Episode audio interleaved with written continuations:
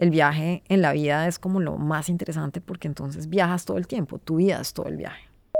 Yo no me acuerdo de los nombres, pero yo me acuerdo de todas las personas que han estado en un performance mío. Si las vi, me acuerdo. Puede que no me sepa tu nombre, puede que, pero yo sé que yo sé que te vi. Entonces cuando me encuentro es como, uy, es increíble, ¿no? Porque te das cuenta como de toda esta arquitectura afectiva que tú vas trazando con la audiencia y que se vuelve una cosa muy increíble porque te vuelves y te presentas y vuelven. Y empiezas a ver como ciertas personas aparecer en diferentes lugares, en diferentes lugares del mundo, en diferentes momentos. Y te das cuenta que estamos unidos por una, por una cadena afectiva, pero impresionante. Entonces sí siento que ahí en Vires fue donde, donde yo fortalecí realmente como ese, ese lugar de interacción con el espectador. Duermo poco, pero muy profundo. Lo que me pasa es que cuando me duermo, yo siento como que yo me desconecto. Yo no oigo nada, no veo nada, no siento nada. Cuando yo viví en Miami pasó un huracán y yo no me di cuenta. No, yo siento que yo me muero y vuelvo otra vez. Pero además cuando me despierto, me despierto con una cantidad de energía que es como los niños chiquitos. Yo misma a veces digo como, ¿por qué no duermes? O sea, hasta las nueve como una persona adulta normal. Pues claro, porque entonces yo, a mí, tú me llamas a mí a las 12 del, del, día y yo ya hice todo mi día. Entonces yo ya tengo el resto del día para hacer lo que yo quiera. Que eso es una gran cosa. Cuando estoy haciendo performance, me obligo a dormir más. Me obligo. O sea, así no esté dormida, dormida, tengo los ojos cerrados y estoy como entre mi cama porque sé que si no, no me aguanta el cuerpo, ¿me entiendes? Eso sí, es, yo lo tengo claro. Pero normalmente no necesito tantas horas de sueño. El espectador puede que no esté racionalmente procesando ciertas cosas, pero sabe una cantidad de otras. Por eso es que, por ejemplo, cuando se van a dirigir a ti para una interacción, ahí mismo, mmm, o sea, cuando yo voy hacia un espectador, ahí mismo el espectador, antes de que yo empiece a dirigirme, sabe que yo voy a ir allá y se va. Yo lo he visto acá, en el MACBA. O sea, hoy tuvimos una cuestión así. Que le tendí la mano a una señora y la señora se quedó mirándome y yo la miraba como diciéndole, pues interactuar, o sea, podemos hacer esto juntos.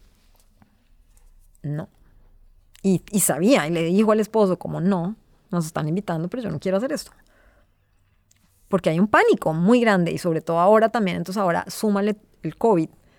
O sea, es como hay una, hay una serie como de conspiraciones, digamos, que hacen que además ese repertorio no se pueda extender, ¿no? Que es una gran tristeza, porque todos tenemos códigos de aproximarnos muy distintos, dependiendo de dónde venimos, de cómo hemos crecido, de la familia en la que hemos crecido, de lo que hemos estudiado, a lo que somos más sensibles. Em, no sé, en Italia hubo alguien que le lamí los dedos, por ejemplo. Y eso es insólito. O sea, lamer los dedos a alguien es como, es súper, como demasiado íntimo. Y fue muy bello para mí porque la persona había cocinado antes. Entonces sentí el ajo, el tomate. O sea, toda la receta italiana vino a mi cabeza, pero completa. Em, entonces siento que hay un acopio histórico que sí viene de entender claramente el performance y de haber leído lo que he leído y de, de saber muy bien qué está antes de mí. Y hay una búsqueda entre mis propias acciones también muy grande de, en las interacciones, de entender qué funciona, qué no funciona y qué funciona dependiendo de dónde estoy yo también ubicada en relación como a lo que quiero hacer con, con el cuerpo. Me interesa mucho lo que me pongo, el lenguaje como de la ropa, de la instrumentación que se le da a las prendas entre mis acciones. Y obviamente yo había hecho un estudio muy grande sobre, las, las sobre ciertas como usos del, cuero, por ejemplo, en toda la instrumentalización de un cuerpo. La gran belleza del sadomasoquismo finalmente es que además ahí es consensuado. Y hay un respeto en el que yo te digo, paras y se para. Punto. No, no hay ninguna otra excusa. Entonces me interesaba mucho porque yo sé que en el imaginario eso funciona de una manera y genera como una serie como de, de, de, flujos de deseo que era importante que empezaron a jugar entre ese circuito de poder, porque además no hay nada entre lo que cruce más el poder que el deseo. Entonces me interesaba mucho como en la relación de esas dos fuerzas. En esa, en esa posibilidad de la animalidad, mi trabajo ha encontrado como unos lugares muy, muy, muy, muy afirmativos. cuando viajé a la residencia en Galápagos, los lobos de mar son los que hacen surgir esta pieza sonora tan impresionante, que es, que es increíble. O sea, es una pieza que yo misma también quedé como, como, uy, creo que es como el lugar de lo sonoro en el, que no es un dispositivo sonoro aparte del performance, sino que el cuerpo es el que hace que eso suene. Y es análogo, totalmente análogo. No, no hay speakers, no hay ningún cable, no hay nada. Tiene como todo su sistema de amplificación dado por lo que son las 4.000 botellas. Pero es algo que noté gracias a que estaba con un grupo de lobos de mar, porque a mí me da pánico el mar. Entonces yo decidí botarme en la playa con ellos porque además veía el mar era como una línea, pero no como esta inmensidad, como este cuerpo al que yo no puedo, no, me siento totalmente como muy indefensa, me siento en peligro además. Siento que no estamos diseñados para estar en el mar. en cambio en tierra sí. Y mi lugar es, es el monte, es, la monte, es el bosque. Entonces, por lo menos eran lobos de mar, pero eran lobos. Y estaban en manada también, o sea, llegan a dormir todos a las playas y, se quedan como unos tramos de tiempo muy, muy largos descansando, o sea, llegan a tierra a descansar. Y eso para mí fue como una cosa increíble porque yo siempre estoy como en la actividad, ¿no? Como hay que hacer, toca moverse, toca ir, toca mirar, toca, o sea, y esto fue como el lugar afortunado que dije, esto es perfecto, no puede ser mejor, yo estoy en tierra, simplemente para aprender algo de estos personajes que están acá. Y entonces mi residencia fue literalmente estar seis horas, ocho horas con una cantidad de lobos de mar enfrente a la playa, mientras que todos los otros artistas estaban corriendo por todos lados mirando a ver cómo que era lo que iban a hacer. Entonces siempre he encontrado en lo animal respuestas a cosas que yo muchas veces no sé muy bien cómo, cómo responder, sobre todo cuando son residencias, por ejemplo, me pego mucho a los animales. A mí me interesa mucho ese lugar de lo animal y sobre todo los animales que migran. Los lobos son también grandes, o sea, recorren como unos espacios gigantes de, de, de territorio y lo que los vincula es el canto. Y el canto en ese sentido es muy poderoso porque cuando los oyes, oyes cantos de lobos que están a kilómetros y se están comunicando con manadas todas distintas y todos están diciendo yo estoy aquí, yo estoy acá, yo estoy aquí, nadie se cruce por acá, nadie se cruza por acá, nadie se cruza por acá. Claro, siempre hay algún animal por ahí, un insecto, lo que sea, pero los animales son grandes, em, señalan cosas de una manera muy categórica, eh, siempre lo llevan a uno a algo que de pronto sí sirve. Y yo soy muy afinada en eso. Tengo como una gran afinación con el mundo animal, mucho. Siempre los encuentro, siempre me encuentran. En este último proyecto que estoy haciendo también en el Amazonas con Brigitte Baptiste, el último viaje, hubo un pajarito que me estuvo presente todo el tiempo, como con un silbido muy específico. Yo decía, pero además parecía que estuviera como en estéreo, como en 5.1, porque era como como que lo circulaba uno y uno pensaba que estaba como cerquitica, pero nunca los ves, porque la ansiedad de, árboles es tan complicada, pero es un pajarito que es muy chiquitico. Y después le pregunté a una persona que era como nuestro guía, y me dijo, es que ese pajarito no es perceptible. Me dijo, es como si fuera invisible. Y eso me pareció como tan increíble porque es tan, lo percibes tanto desde lo sonoro, pero no tiene una imagen. Y por ejemplo, ese pájaro fue con el que trabajé ahorita en Berlín. Nunca aparecen en mi trabajo como formalmente el animal, pero hay algo que queda de lo animal en el trabajo. No me interesa como, como repetir la forma del animal en el trabajo, para nada. En avistamiento nunca salió el águila como imagen como tal. Lo único que yo tenía era como un casco estos de cetrería que, me hicieron para mí. El lobo tampoco. Las focas tampoco. Pero todo el tratamiento coreográfico debajo de las botellas viene del observar claramente cómo se mueven en las playas, por ejemplo. Em, ahorita lo del pájaro fue increíble. Que era increíble estar oyendo un pájaro que yo estaba oyendo en el Amazonas, en Berlín. O sea, era como traerlo de una manera casi mágica. Y realmente como fue muy mágico y la gente como que sí dijo, este pájaro, ¿dónde viene? Porque todo el mundo tiene muy claro el canto de los pájaros de su ciudad, así no estén pendientes de los pájaros. Pero si yo te pongo a sonar otro pájaro, tú me dices, eso no es de acá. Entonces me parece, me parece interesante cómo a través de los animales, sí en mi trabajo logras unas, como unas conexiones como con los sitios muy específicas que si solamente lo hiciera desde mí como ser humano, como especie, no la logro. No, es totalmente distinto. Solamente he llegado una vez a que dije, no aguanto más. Fue una, una obra que hice, que además no fue ni siquiera por el tiempo, sino fue el frío que me dio. Y no estaba lista. O sea, la ropa no era la adecuada, digamos. Además estaba trabajando descalza. Y fue en Medellín, en una obra que era 24 horas seguida. Y como a las 3 de la mañana, y yo estaba esperando cuál era el momento en que mi cuerpo iba como a, como a decirme no más.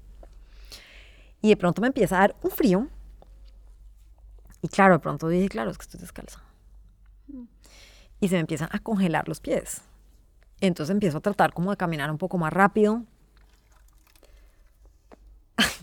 Voy a contar algo porque me toca contarlo para que entiendan. Mm. Pero justo en ese momento, en las obras mías, como que hay a veces como unos eventos paranormales.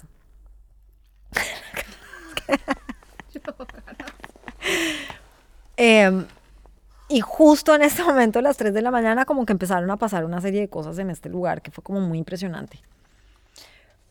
El, el espacio que yo escogí tenía dos entradas. Entonces yo hacía como dos, para, dos como paradas.